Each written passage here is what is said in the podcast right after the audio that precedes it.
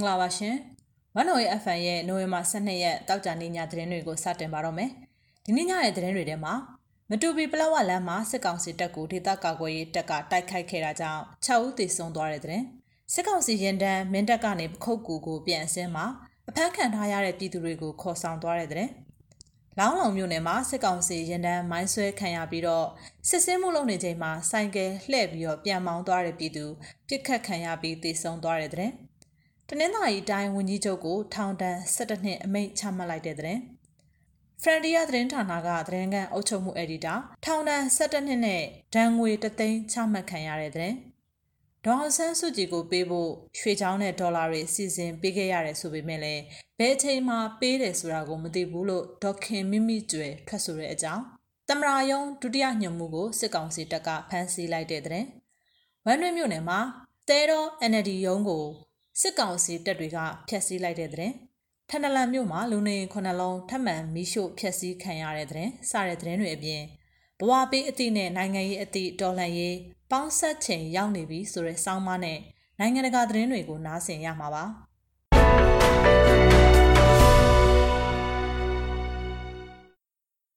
ချင်းပြည်နယ်မတူပီပလောဝလမ်းပေါ်မှာစစ်ကောင်စီတပ်ဖွဲ့ဝင်တွေကိုတိုက်ခိုက်ခဲ့တာကြောင့်စစ်ကောင်စီတပ်သား6ဦးသေဆုံးသွားတယ်လို့ CDF မတူပီပြောရေးဆိုခွင့်ရှိသူကဆိုပါတယ်။မတူပီမြို့နယ်ဒီလောင်ကုန်းကြီးရွာကာကြီးနဲ့ခါကွေးရွာကြားမှာနိုဝင်ဘာလ10ရက်နေ့မနက်9:00နာရီခွဲအချိန်ကတိုက်ခိုက်ခဲ့တာပါ။မတူပီဖြူဟာကနေဆင်းလာတဲ့တပ်ဖွဲ့ကိုကျွန်တော်တို့တပ်ဖွဲ့ကကြားဖြတ်တိုက်ခိုက်ခဲ့တာပါ။ သူတို့ဘက်က6ယောက်ကြပြီးတော့ကျွန်တော်တို့ဘက်က1ယောက်ဒဏ်ရာရတယ်လို့ CDF မတူပီပြောရေးဆိုခွင့်ရှိသူကပြောပါတယ်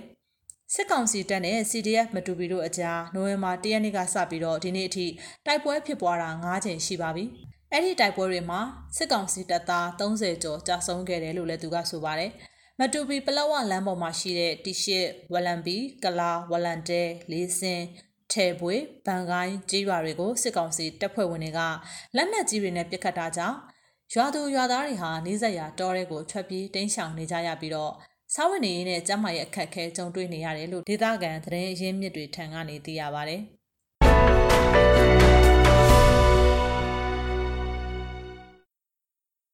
မင်းတပ်မြို့ကနေပခုတ်ကူကိုနိုဝင်ဘာ17ရက်ဒီနေ့မနက်ပိုင်းကထွက်ခွာသွားတဲ့စစ်ရင်တန်းမှာမင်းတပ်မြို့ကမတရားဖမ်းဆီးခံထားရသူတွေပါသွားတယ်လို့ဒေသခံတွေထံကနေသတင်းရရှိပါတယ်။အဲ့ဒီရင်တန်းမှာတန်ချက်ကာကားနှစ်စီးပါဝင်ပြီးတော့မင်းတပ်မြို့ပေါ်မှာအကြောင်းမျိုးမျိုးနဲ့မတရားဖမ်းဆီးထားသူတွေကိုပခုတ်ကူထောင်ကိုပို့ဆောင်ဖို့ဆိုပြီးတော့ခေါ်ဆောင်သွားတာဖြစ်တယ်လို့ဒေသခံတွေကယူဆနေကြပါတယ်။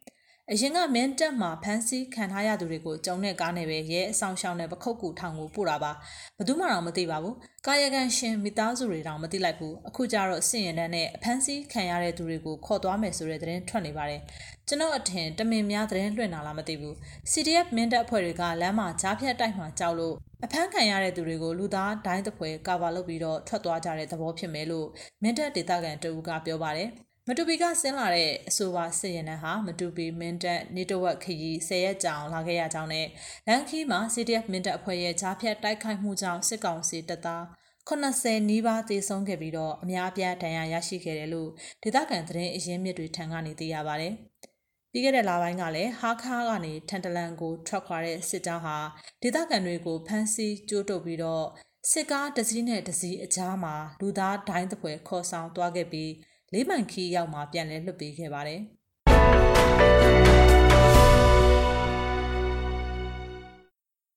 တနင်္သာရီတိုင်းတဝဲခရိုင်လောင်းလုံမြို့နယ်မင်းရက်ရွာနဲ့တာယာကုန်းရွာအကြားမှာစစ်ကောင်စီရင်တန်းမိုင်းဆွဲခံရပြီးတော့စစ်စင်းမှုပြုလုပ်နေချိန်မှာဆိုင်ကယ်လှည့်ပြီးတော့ပြန်မောင်းသွားတဲ့လမ်းသွားလမ်းလာအမျိုးသားတအုပ်ကိုစစ်ကောင်စီတပ်ဖွဲ့ဝင်ကပစ်ခတ်လိုက်တာကြောင့်တေဆုံးသွားတယ်လို့ဒေသခံတွေထံကသိရပါဗျ။ နိုဝင်ဘာ17ရက်နေ့မနက်7:00နာရီအချိန်မှာပြူစောတိခေါင်းဆောင်ဦးစောလိုက်ပါလာတဲ့စစ်ကောင်စီရန်တန်းမိုင်းဆွဲခံရပြီးနောက်နေ့လယ်တနာရီချိန်မှာပြည်သူတူကိုစစ်ကောင်စီတပ်ကပစ်တက်ခဲ့တာဖြစ်တယ်လို့ဒေသခံတွေထံကသိရပါဗျ။ပြူစောတိခေါင်းဆောင်ဦးစောလိုက်ပါလာတဲ့စစ်ကောင်စီရန်တန်းမိုင်းဆွဲတိုက်ခိုက်ခံရမှုကို Underground PDF အဖွဲ့ကသူတို့လှုပ်ဆောင်တာဖြစ်ပြီးတော့ကျေးရွာမှာနေထိုင်သူတွေနဲ့မသက်ဆိုင်ဘူးလို့ထုတ်ပြန်ထားပါတယ်။မိုင်းဆွဲတိုက်ခိုက်ခံရတာကြောင့်ရင်နောက်ပိုင်းအနေငယ်ပျက်စီးခဲ့ပြီးတော့ ပြူစောတိခေါင်းဆောင်ဦးစောနဲ့တပ်သားတချို့ထံရရှိသွားတယ်လို့ဒေသခံတွေကပြောပါတယ်။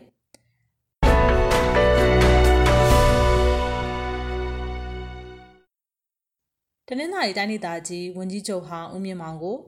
ဥပဒေပုံမှန်3ခုနဲ့အလုံနဲ့ထောင်ဒဏ်17နှစ်ကြာခံဖို့ထောင်တွင်းအထူးတရားရုံးကအမိန့်ချမှတ်လိုက်တယ်လို့ထောင်တွင်းတရားရုံးနဲ့နှိစက်သူကပြောပါတယ်။နိုင်ငံတော်အကြီးအကျယ်ပြည့်စုံမှုရသသက်ကြီးဥပဒေပုံမှန်905ခခွေးနဲ့ထောင်ဒဏ်2နှစ် တဘာဝဘေးရနေဆိုင်ရာစီမံခန့်ခွဲမှုဥပဒေပုံမှန်25နဲ့ထောင်ဒဏ်2နှစ်ဒေသဖွံ့ဖြိုးရေးရန်ပုံငွေတွေကိုစနစ်တကျသုံးစွဲတာမရှိဘူးဆိုပြီးတော့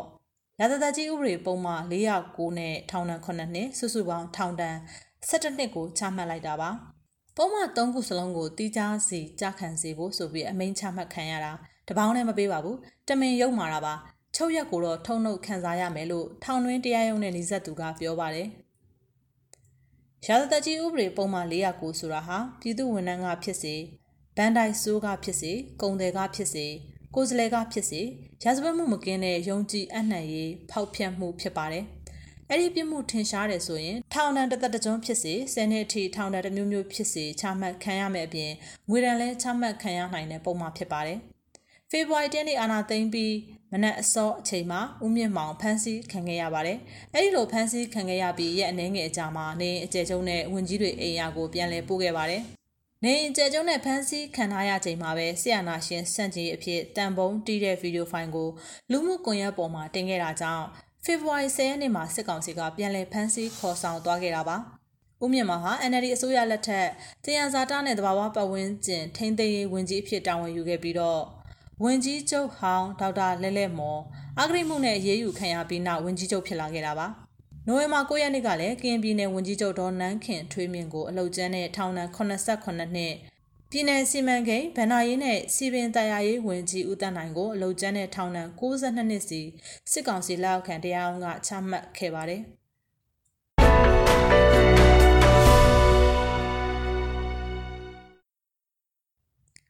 ဖရန်တီယာသတင်းဌာနရဲ့သတင်းကန်းအုပ်ချုပ်မှုအရီတာထောင်ဒဏ်17နှစ်နဲ့ငွေဒဏ်3သိန်းချမှတ်ခံခဲ့ရတယ်လို့သူ့ရဲ့ရှေ့နေဦးတန်းစောအောင်ကအတည်ပြုပါတယ်။အမှုသုံးမှုအတွက်ထောင်ဒဏ်17နှစ်နဲ့ဒဏ်ငွေ17သိန်းချလိုက်တယ်ဒီနေ့ပဲလို့ဦးတန်းစောအောင်ကပြောကြားပါတယ်ဒန်နီဖန်စတာကိုမေလ24ရက်နေ့ကရန်ကုန်ပြည်ပြည်ဆိုင်ရာလေဆိပ်မှာဖမ်းဆီးခဲ့တာဖြစ်ပြီးတော့နိုင်ငံတော်အကြီးအကျယ်ပြည့်စင်မှု လူဝင်မှုကြီးကြပ်ရေးဥပဒေအကြမ်းဖက်မှုတိုက်ဖျက်ရေးဥပဒေတရားမဝင်အသင်းဆက်သွယ်မှုတွေနဲ့အမှုဖွင့်ပြီးတော့ဒီနေ့မှာအပိသက်အမိန့်ကိုချမှတ်ခဲ့တာဖြစ်ပါတယ်။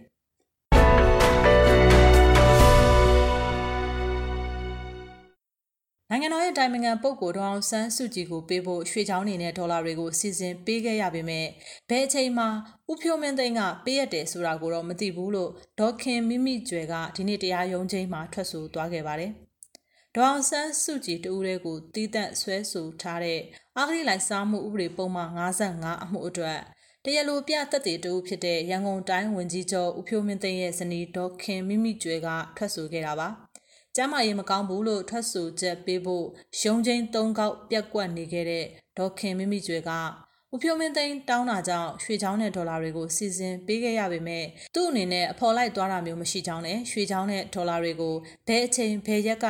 ရရှိခဲ့တယ်ဆိုတာကိုထွက်ဆိုသွားနိုင်ခြင်းမရှိဘူးလို့ရှင်းနေအဖွဲ့နဲ့နှီးစက်တဲ့အတိုင်းဝိုင်းကဆိုပါတယ်။အာနာသိန်းစစ်ကောင်စီကထုတ်ဖော်ပြောကြားခြင်းမရှိတဲ့နေရာတစ်ခုမှာချုပ်နှောင်ခံထားရတဲ့ဒေါခင်မင်းမိကျွဲကဒီနေ့လေးချိန်မြောက်မှာသာလိုပြတက်တဲ့အဖြစ်လာရောက်ထွက်ဆိုခဲ့တာပါ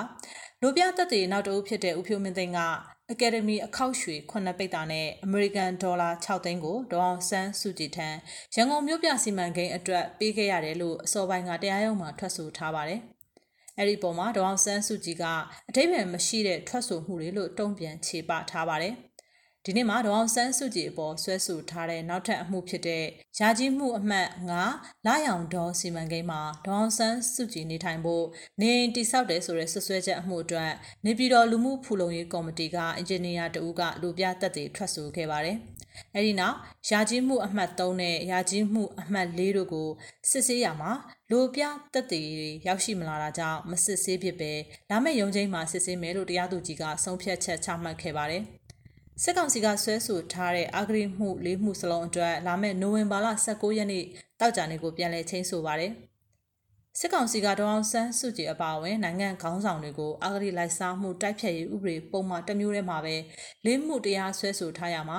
အဲ့ဒီအမှုလေးမှုအနက်တမှုဟာဒေါအောင်ဆန်းစုကြည်အပေါ်တဦးတည်းသီးသန့်ဆွဲဆိုထားတာဖြစ်ပါတယ်။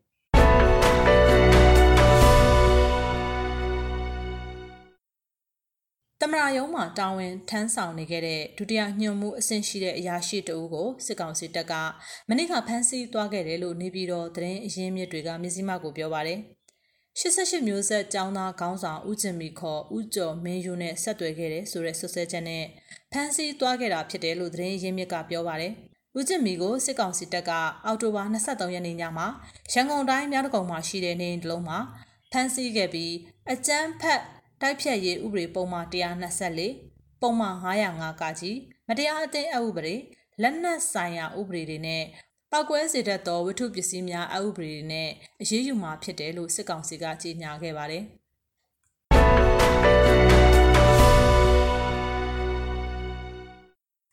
မိထီလာခရိုင်ဝမ်တွင်းမြို့နယ်တဲတော်ကြီးရွာမှာရှိတဲ့အမျိုးသားဒီမိုကရေစီအဖွဲ့ချုပ် NLD ရုံးကိုစစ်ကောင်စီတပ်တွေနဲ့ပြူစောထီတွေပူးပေါင်းပြီးတော့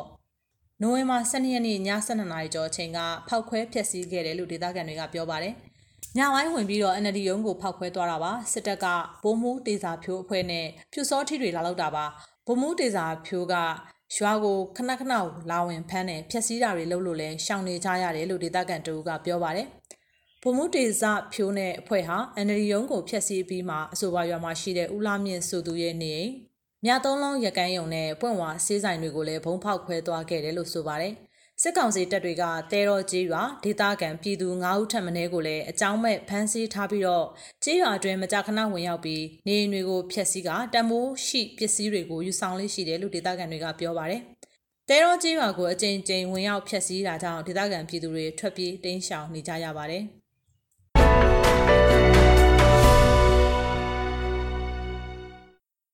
ချင်းပြည်နယ်ထန်တလန်မြို့မှာမနေ့က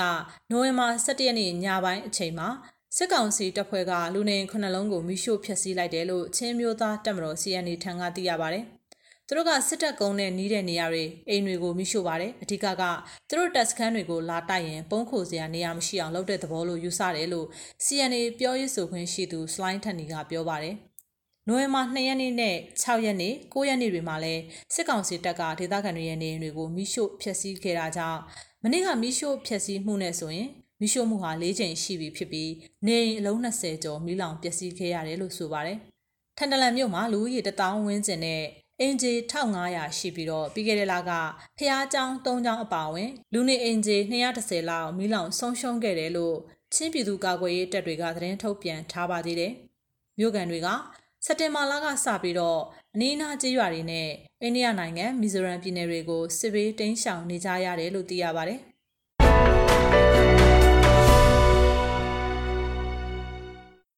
ဘဝပေးအသည့်နဲ့နိုင်ငံရေးအသည့်တော်လှန်ရေးပေါင်းဆက်ချိန်ရောက်နေပြီဆိုတဲ့ဆောင်းပါးကိုနားဆင်ပါရှင်။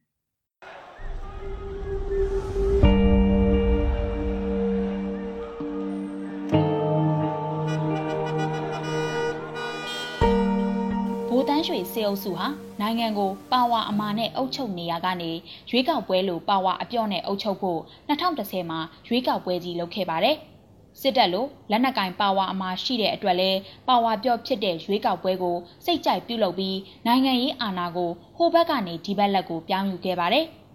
လက်ပြောင်းအာဏာလွှဲယူမှုကိုအတိတ်တွေအဖြစ် liberal ဝါဒီတွေကိုရွေးကောက်ပွဲတဲ့ပါလာအောင်စီးအောင်ပြီးအကန့်အသတ်ရှိတဲ့လုတ်ပိုင်ခွင့်တွေကိုခြေဦးဖောင်တွေကနေမျှပေးခဲ့ပါတယ်။2012ကြားဖြတ်မှာရှစ်လေးလုံးအရေးတော်ပုံရဲ့ရတနာဖြစ်တဲ့အမျိုးသားဒီမိုကရေစီအဖွဲ့ချုပ် NLD ပါပါဝင်လာပြီးဝင်ပြင်ရေးလမ်းကြောင်းရင်ကြားစစ်ရေးလမ်းကြောင်းကိုရွေးချယ်ခဲ့ပါတယ်။ ဒီလိုရွေးချယ်ခဲ့လို့လဲပါတီတွင်မူဝါဒရေးရာနဲ့ပတ်သက်လို့သဘောမတူညီမှုတွေရှိခဲ့ပေမဲ့ခိုင်မာတဲ့ခေါင်းဆောင်မှုအောက်မှာ NLD ဟာလွှတ်တော်ထဲမှာနိုင်ငံရေးအာဏာပြောတချို့ကိုရခဲ့ပါတယ်2015ရွေးကောက်ပွဲမှာတော့နိုင်ငံလုံးကျွတ်နီးပါးအနိုင်ရပြီးအစိုးရဖွဲ့ခွင့်ရခဲ့ပါတယ်။အုပ်ချုပ်ရေးနဲ့ဥပဒေပြုရေးနယ်ပယ်တွေနဲ့ဆိုင်တဲ့နိုင်ငံရေးအာဏာပါဝါကိုစီးထားနိုင်ခဲ့ပါတယ်။ ၅နှစ်တာကာလအတွင်းလူမှုစိတ်တိုင်းကြမဟုတ်ပေမဲ့လူမှုလက်ခံနိုင်တဲ့အထိစွမ်းဆောင်ရည်ရှိခဲ့တဲ့အတွက် NLD ကိုစုပြုံထောက်ခံမှုကပိုအားကောင်းတဲ့ထက်အားကောင်းလာခဲ့ပါတယ်။ NLD ဟာပါဝါအမာကင်ထားတဲ့စစ်အုပ်စုကိုတင်သွင်းနိုင်မယ်လို့တွက်ဆခဲ့ကြပါတယ်။အဲ့ဒီတွက်ဆမှုကပဲ2020ရွေးကောက်ပွဲမှာစစ်အုပ်စုကလဖန်ထိုးထည့်ထားတဲ့ပါတီတွေကိုအမြင့်ကနေတင်းတက်ဖြစ်ပြီးလူမှုထောက်ခံမှုကိုနောက်ထပ်9နှစ်တာအတွက်ထပ်ပြီးခိုင်မာစေခဲ့ပါတယ်။ NLD ဟာလက်နက်ကင်တက်လို့ပါဝါအမာနောက်ခံမရှိပေမဲ့လူလူထောက်ခံမှုကိုပါဝါအမာလိုကင်တွယ်ကစားခဲ့ပါတယ်။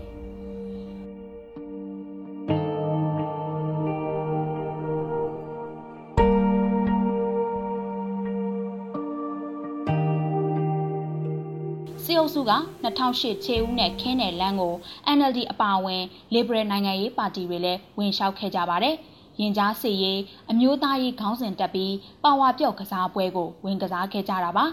2020ရွေးကောက်ပွဲမတိုင်မီအထိဒီကစားပွဲဟာနိုင်ငံရေးအင်အားစုတွေအကြားအလုတ်လဲဖြစ်ခဲ့တယ်လို့တစ်ဖက်မှာလည်းဘုံသဘောတူညီချက်လိုဖြစ်နေတဲ့စစ်တပ်အားပြော့သွားရေးကအခြေတည်မိခဲ့ပါတယ်စစ်တပ်ဟာလွတ်တော်အထိ25ရာခိုင်နှုန်းထည့်ပြီးပါဝါပြော့ခိန်းနဲ့ကစားဖို့ပြင်ဆင်ထားတာဟာလည်းအလုံးမဖြစ်ခဲ့ပါဘူးတိုက်ခိုက်ရေးကိုသာနားလေတဲ့စစ်တပ်ဟာ ပါဝါပြော့ကစားပွဲကြားမျက်စိလဲအားနည်းလာပြီးတဲ့နောက်မှာတော့သူတို့သုံးနေကြဟက်ပါဝါခိန်းကိုပြန်ကင်လာခဲ့တာပဲဖြစ်ပါတယ်။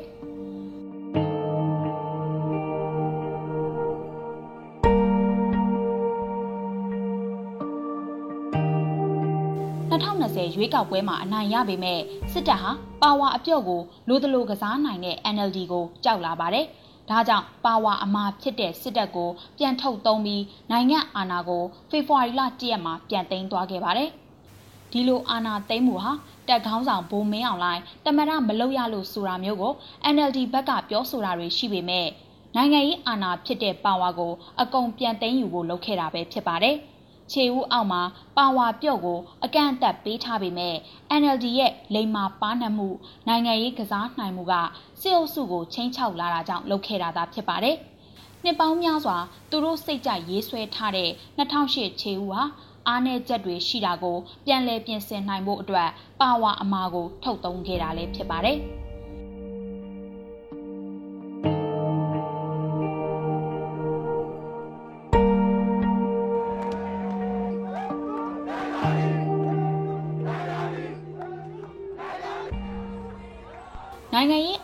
ပါဝါကစားပွဲတွေကိုစစ်တပ်နိုင်ငံရေးပါတီတွေနိုင်ငံရေးသမားတွေကစားနေချိန်မှာဒီကစားပွဲတွေဟာလူလူနဲ့အလှမ်းကင်းကွာခဲ့ပါတယ်။ NLD ဟာပါဝါပြော့ကစားပွဲမှာစစ်တပ်နဲ့ရှင်ပြိုင်ကစားနေတယ်လို့တစ်ဖက်မှာလည်းဒီမိုကရေစီဆိုတဲ့အရာသာဖွံ့ဖြိုးမှုဆိုတဲ့အရာသာကိုလူလူကိုပေးနိုင်အောင်စ조사ခဲ့တဲ့အတွက်လည်းဖြစ်ပါတယ်။ လူထုဟာနိုင်ငံရေးဖြစ်စဉ်တွေထက်နေ့စဉ်ဘဝတွေပိုကောင်းတစ်ထက်ကောင်းအောင်လုပ်နိုင်တဲ့အခွင့်အလမ်းတွေပေါ်လာတဲ့အပေါ်ပိုပြီးအာရုံကျခဲ့ကြပါတယ်။နိုင်ငံဟာပိုကောင်းတဲ့အရွေးတစ်ခုကိုတွားနေတယ်လို့ယူဆပြီးဒီအရွေးထဲပါနိုင်အောင်အတွက်ပိုပြီးလုံပန်းခဲ့ကြပါတယ်။ငါတို့ဟာ NLD နဲ့စစ်တပ်မဟုတ်သောနိုင်ငံရေးအင်အားစုတွေကိုထောက်ခံပေးနေတဲ့၍ဒီအရွေးဟာခိုင်မာနေမယ်လို့တွက်ဆခဲ့ကြပါတယ်။ ဒါကြောင့်လဲ2020ရွေးကောက်ပွဲမှာစေအုပ်စုနောင်မီးဆွဲနိုင်ငံရေးပါတီတွေအလဲအကွဲဖြစ်ခဲ့ပြီး NLD နဲ့ Liberal Democrat ပါတီတွေနေရာရခဲ့ကြတာဖြစ်ပါတယ်။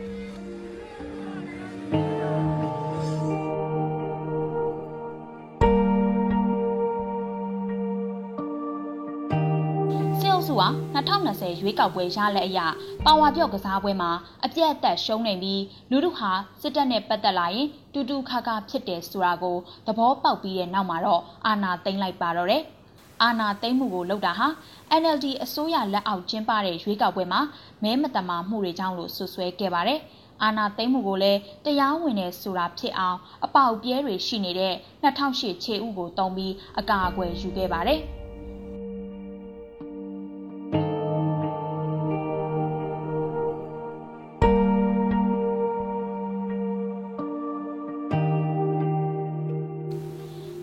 ဟာ NLD ကိုဗဟိုပြုပြီး Liberal Democrat အင်အားစုတွေရဲ့လှုပ်ရှားမှုတွေကိုအာဏာသိမ်းမှုဖြစ်တဲ့ပါဝါအမာကစားပွဲနဲ့နှိပ်ကွပ်ဖို့ကြိုးစားခဲ့ပါတယ်။အာဏာသိမ်းပြီးရပ်ပိုင်းအကြာမှာပဲလူလူကြီးကလမ်းပေါ်တက်လာခဲ့ပါတယ်။ဒီလူလူကြီးလမ်းပေါ်တက်လာဖို့ကိုနိုင်ငံရေးအင်အားစုတွေကဥဆောင်ခဲ့တာမဟုတ်ပေမဲ့အရေးတော်မကင်းခဲ့ပါဘူး။သုံးလကျော်ကြာတဲ့အချိန်မှာတော့လူလူဟာစစ်အုပ်စုကိုလက်နက်ကင်တော်လှန်ရမယ်ဆိုတဲ့ဘဝပေးအသည့် အရန်လက်နက်ကင်တော်လန်ရေးဘက်ကိုတိမ်ညွတ်လာခဲ့တာဖြစ်ပါတယ်။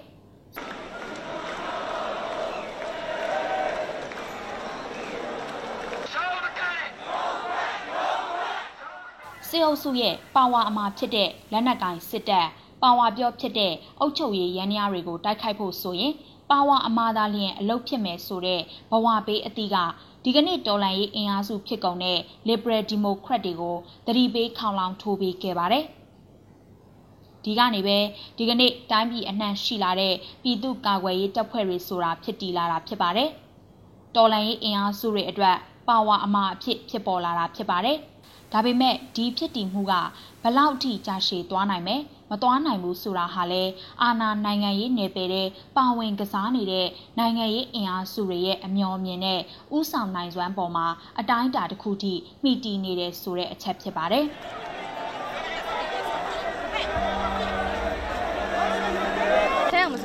Let's go, yes, so yes, so let's play, so yes. Mama, let's go, yes.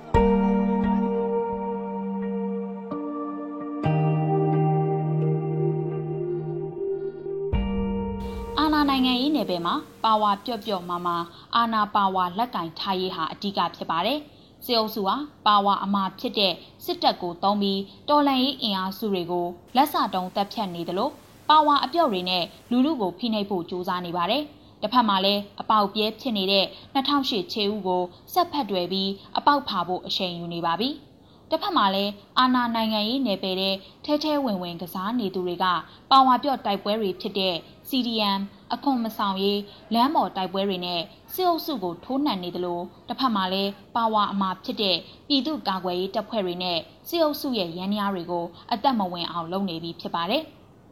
ဒီကနေ့ຫນွေဦးတော်လိုင်းရေးဟာပါဝါမှာပါဝါပြော့နှစ်ဖြာလုံးသုံးပြီးစစ်အုပ်စုကိုအမြင့်ကလှန်နေတဲ့လူလူတိုက်ပွဲပဲဖြစ်ပါတယ်။နိုင်ငံရေးအသီးကြောင့်လမ်းမော်တက်ဆန္ဒပြခဲ့တယ်လို့ဘဝပေးအသီးကြောင့်လက်နက်ကင်ခုခံတော်လန်တဲ့အဆင့်အထိရောက်လာတဲ့လူလူတိုက်ပွဲကြီးပဲဖြစ်ပါတယ်။လူလူဟာတော်လန်ရေးကြီးတစ်ခုလုံးအတွက်အရေးကြီးဆုံးသောပါဝါအင်အားစုကြီးဖြစ်ပါတယ်။ဒီအင်အားစုဟာအာနာပါဝါကစားပွဲမှာအပြော့ကိုသုံးမလား အမာကိုသုံးမလားဆိုတာဆုံးဖြတ်နိုင်တဲ့ဆုံးဖြတ်ခွင့်ရှိတဲ့အင်အားစုကြီးဖြစ်ပါတယ်။ပါဝါပြော့နိုင်ငံရေးကစားဝိုင်းအာတန်သူတွေကြီးဦးဆောင်နိုင်တဲ့နိုင်ငံရေးအခင်းအကျင်းလည်းမဟုတ်တော့ပါဘူး။ပါဝါပြော့ကစားပွဲဟာအလုတ်ဖြစ်တဲ့လောက်ဖြစ်ခဲ့ပေမဲ့နောက်ဆုံးတော့ပါဝါအမာကိုစစ်တပ်ကပြန်ထုတ်သုံးလာပြီးလူမှုအာဏာကိုလူယူသွားတာကိုကြည့်ရင်မြင်နိုင်ပါတယ်။ Liberal Democrat အင်အားစုတွေဘက်မှပါဝါအမာလက်ကင်မရှိတဲ့အတွက်ခေါင်းတက်နင်းသွားခဲ့ပြီးဖြစ်ပါတယ်။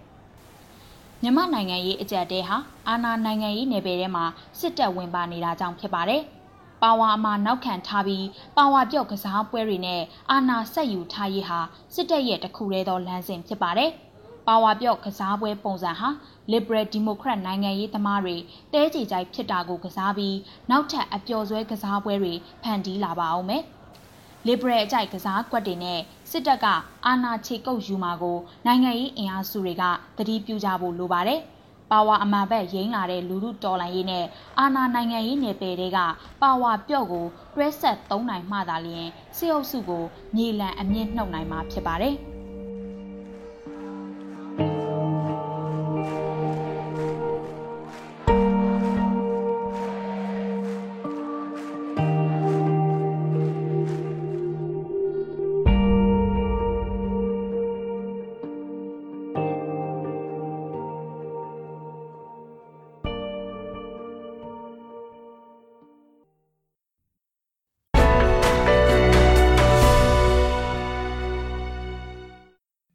ဆက်လက်ပြီးတော့နိုင်ငံတကာသတင်းတွေကိုတင်ဆက်ပေးမှာပါ။မီဇိုရမ်ရောက်မြန်မာဒုက္ခသည်တွေကို COVID-19 ကာကွယ်ဆေးထိုးပေးဖို့စီစဉ်နေပါတယ်။စစ်တပ်အာဏာသိမ်းပြီးနောက်အိန္ဒိယနိုင်ငံမီဇိုရမ်ပြည်နယ်ကိုဝင်ရောက်ခိုလုံခဲ့ကြတဲ့မြန်မာနိုင်ငံသားတွေကို COVID-19 ကာကွယ်ဆေးထိုးပေးဖို့မီဇိုရမ်အစိုးရကစီစဉ်နေတယ်လို့ကျန်းမာရေးဌာနအရာရှိတဦးကနိုဝင်ဘာ17ရက်နေ့မှာပြောကြားလိုက်ပါတယ်။ လက်ရှိမှာမြန်မာနိုင်ငံသား12936ဦးဟာမီဇိုရမ်ပြည်နယ်ရဲ့အရက်ဒေသအသီးသီးမှာနေထိုင်နေပြီးတော့အထူးသဖြင့်နိုင်ငံနဲ့နယ်စပ်ချင်းထိစပ်တဲ့ခရိုင်တွေမှာရှိနေတယ်လို့ပြည်နယ်ရဲတပ်ဖွဲ့ရဲ့မှတ်တမ်းတွေအရသိရပါတယ်။အဲ့ဒီခရိုင်တွေကအာဏာပိုင်တွေဟာအခုအခါမှာကာကွယ်ဆေးထိုးနှံဖို့တင့်လျော်တဲ့ဒုက္ခသည်တွေကိုကာကွယ်ဆေးထိုးပေးဖို့အစဉ်သင့်ပြင်နေကြပါတယ်။မီဇိုရမ်ပြည်နယ်ရဲ့အရှေ့ဘက်ချမ်ဖိုင်ခရိုင်မှာ မြန်မာနိုင်ငံသားဥယျာဉ်အများဆုံးရှိနေပြီးတော့9292ဦးအဲဒီနောက်ကတောင်ဘက်အစွန်းမှာရှိတဲ့လောင်တလိုင်းခရိုင်မှာတော့1946ဦးပြည်နယ်မြို့တော်အိုက်ဇောမှာ1622ဦးရှိနေတာပါမီဇိုရမ်ပြည်နယ်တဲကိုရောက်ရှိခိုလုံနေသူတွေကအများအပြားဟာချင်းပြည်နယ်ကဖြစ်ပြီးတော့ဇိုမျိုးနယ်စုဝင်တွေဖြစ်ကြပါတယ်။သူတို့ဟာမီဇိုရမ်ရဲ့မီဇိုလူမျိုးတွေမျိုးနွယ်ယဉ်ကျေးမှုချင်းတူကြတယ်လို့သိရပါတယ်။ သူတို့တွေဟာအထူးအားဖြင့်တော့မြန်မာနိုင်ငံချင်းပြည်နယ်မှာနေထိုင်ကြသူတွေပါ။မီဇိုရမ်ရောက်မြန်မာနိုင်ငံသားအများစုဟာဒေသခံရွာသားတွေစောက်လုပ်ပေးထားတဲ့ကယ်ဆယ်ရေးကမ်စခန်းတွေမှာယာယီနေထိုင်ကြပြီးတော့တချို့ဟာလည်းပြည်နယ်မှာရှိတဲ့သူတို့ရဲ့ဆွေမျိုးတွေနဲ့အတူနေထိုင်ကတခြားတချို့ကတော့အိမ်ငှားရမ်းနေထိုင်မှုတွေရှိတယ်လို့ရဲတပ်ဖွဲ့ကပြောပါတယ် မြန်မာနိုင်ငံသားတွေကိုဒေသခံပြည်သူတွေ NGO တွေခရီးရန်ဖျားကြောင်းတာဝန်ရှိသူတွေက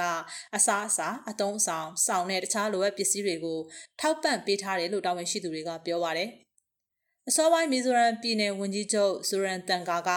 အိန္ဒိယနိုင်ငံဝန်ကြီးချုပ်နာရင်ဒါမိုရီဒန်စာရေးသားပြီးတော့လူသားချင်းစာနာမှုအကြောင်းတရားတွေအရာမြန်မာနိုင်ငံသားတွေကိုခိုလုံခွင့်ပေးရရေးတိုက်တွန်းခဲ့ပါတယ်။ ဒါအပြင်အဆိုပါမြန်မာဒုက္ခသည်တွေအတွက်အကူအညီရရှိရေးတောင်းခံဖို့အတွက်လည်းပြည်내အစိုးရကဒေလီကိုကိုယ်စားလှယ်အဖွဲ့တွေဆစ်လွှတ်ခဲ့ပါတယ်။ဒါပေမဲ့အိန္ဒိယဗဟိုအစိုးရဘက်ကပြန်လဲတုံ့ပြန်အဖြေပေးတာမရှိသေးပါဘူး။အိန္ဒိယဟာဒုက္ခသည်များဆိုင်ရာကုလကွန်ဗင်းရှင်းမှာလက်မှတ်ရေးထိုးထားတဲ့နိုင်ငံမဟုတ်ပါဘူး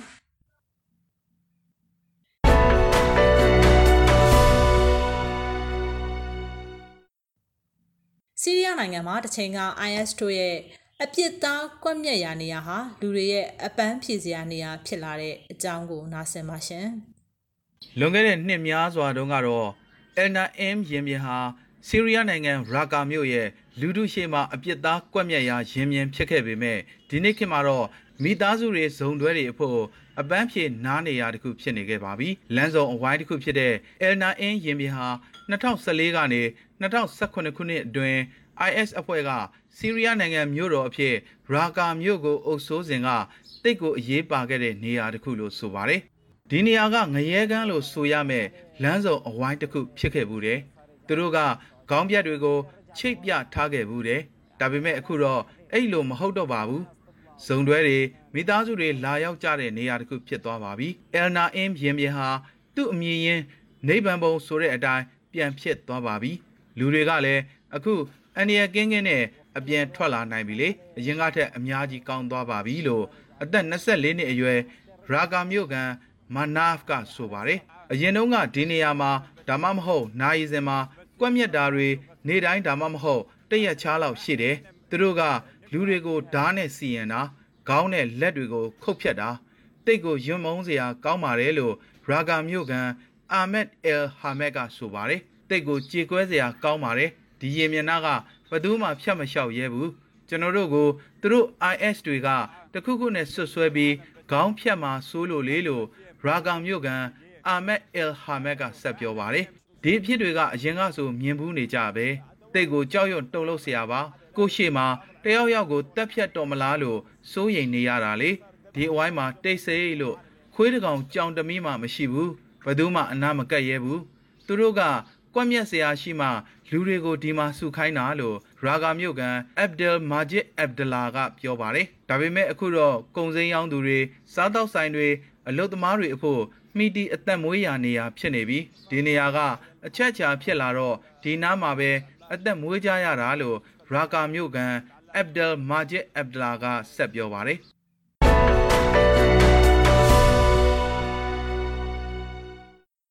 အီလွန်မတ်ရဲ့ SpaceX ကုမ္ပဏီထုတ် Crew Dragon အာကာသယာဉ်နဲ့အာကာသယာဉ်မှူးလေးဦးကို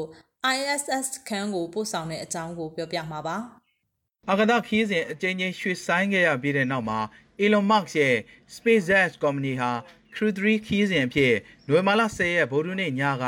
နိုင်ငံတကာအာကာသစခန်းကိုအာကာသယာဉ်မှူး၄ဦးကိုလွှတ်တင်ပို့ဆောင်ပေးခဲ့ပါတယ်။မက္ကဆီကိုပင်လယ်ကွေ့မှာပြီးခဲ့တဲ့စနေနေ့ညကအာကာသယာဉ်မှူးတွေလိုက်ပါလာတဲ့ Crew 2အာကာသယာဉ်ဆင်းသက်ခဲ့ပြီးတဲ့နောက်လက်တလောမှာကမ္ဘာပလန်းစခန်းက American အာကာသဆက်ကြောင်းမှာရောက်လာမဲ့အာကာသယာဉ်မှူးတွေကို NASA ကအာကာသယာဉ်မှူးတူနဲ့ကြိုဆိုဖို့လှုပ်ဆောင်နေပြီဖြစ်ပါတယ်။အဆိုပါအာကာသယာဉ်မှူး၄ဦးလိုက်ပါလာတဲ့ Crew 3အာကာသယာဉ်ကို Falcon 9ဒုံးမြန်နဲ့ Florida ကကနေဒီအာကာသစခန်းကနေ Greenwich စံတော်ချိန်2နာရီ3မိနစ်မှာပြစ်လွတ်ခဲ့တာဖြစ်ပါတယ်။ Endurance အမည်အဆိုပါအာကာသယာဉ်ဟာတောက်ကြနေ Greenwich စံတော်ချိန်ည9နာရီ10မိနစ်မှာနိုင်ငံတကာအာကာသစခန်း ISS ကိုဆိုက်ရောက်မှာဖြစ်ကြောင်းသိရှိရပါတယ် 1way FM ရဲ့ဒီနေ့ညသတင်းတွေကတော့ဒီလောက်ပါပဲနားဆင်ကြကြသူတွေအားလုံးကျမ်းမာကြပါသေးရှင်။